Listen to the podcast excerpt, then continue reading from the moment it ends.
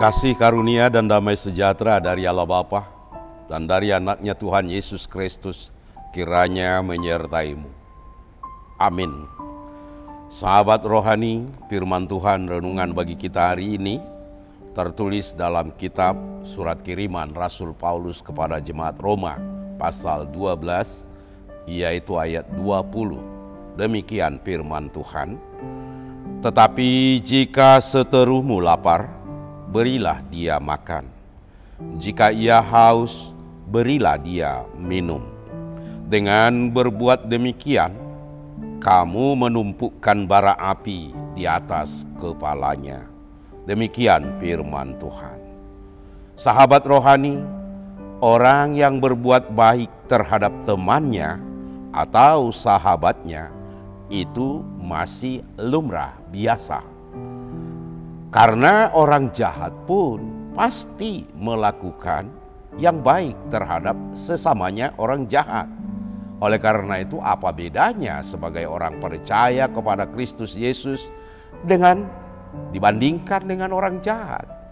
Oleh karena itulah, di sini Rasul Paulus mengajak bahwa jika seterumu lapar, berilah dia makan. Dan jika seterumu haus, berilah dia minum.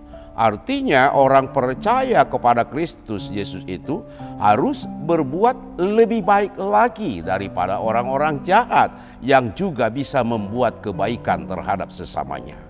Nah, apa tujuan daripada Rasul Paulus mengajak jemaat supaya melakukan yang terbaik dalam hidupnya adalah untuk menunjukkan bahwa orang-orang percaya kepada Kristus Yesus berbeda dengan orang yang sama sekali tidak mengenal Yesus Kristus itu. Dan orang percaya harus dapat menaklukkan kejahatan dalam hidupnya. Bukan kejahatan itu yang menaklukkan hidup orang yang percaya. Dan kita juga harus menghindarkan dari hidup kita kekerasan. Karena bukan itu tujuan daripada kita dipanggil oleh Tuhan Yesus, tapi juga kita adalah dipanggil untuk membawa damai ke dunia ini. Dan bila kita melakukan yang baik terhadap orang yang menjolimi kita, yang berbuat jahat terhadap kita, tentu kita adalah menumpukan bara di atas kepalanya.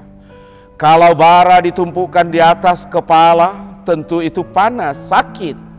Dan tentu orang yang menerima perbuatan baik, padahal dia berbuat jahat kepada kita, maka dia akan pasti merasa sakit dan akan berubah, tidak lagi akan melakukan kejahatan terhadap kita, atau tidak lagi menjadi musuh bagi diri kita. Dia justru dia akan menjadi diam dan berbuat yang baik karena kita sudah memberi pembelajaran, pengajaran kepada dia dengan perbuatan baik. Sahabat rohani, firman ini mengajak kita sebagai orang percaya kepada Kristus Yesus hiduplah selalu berbuat baik dalam hidupmu bagi semua orang tanpa membedakan musuh, kawan, atau siapa pun yang tidak kita kenal saja pun. Marilah kita lakukan yang baik bagi mereka, sebab itu yang diajarkan oleh Tuhan kepada kita. Amin.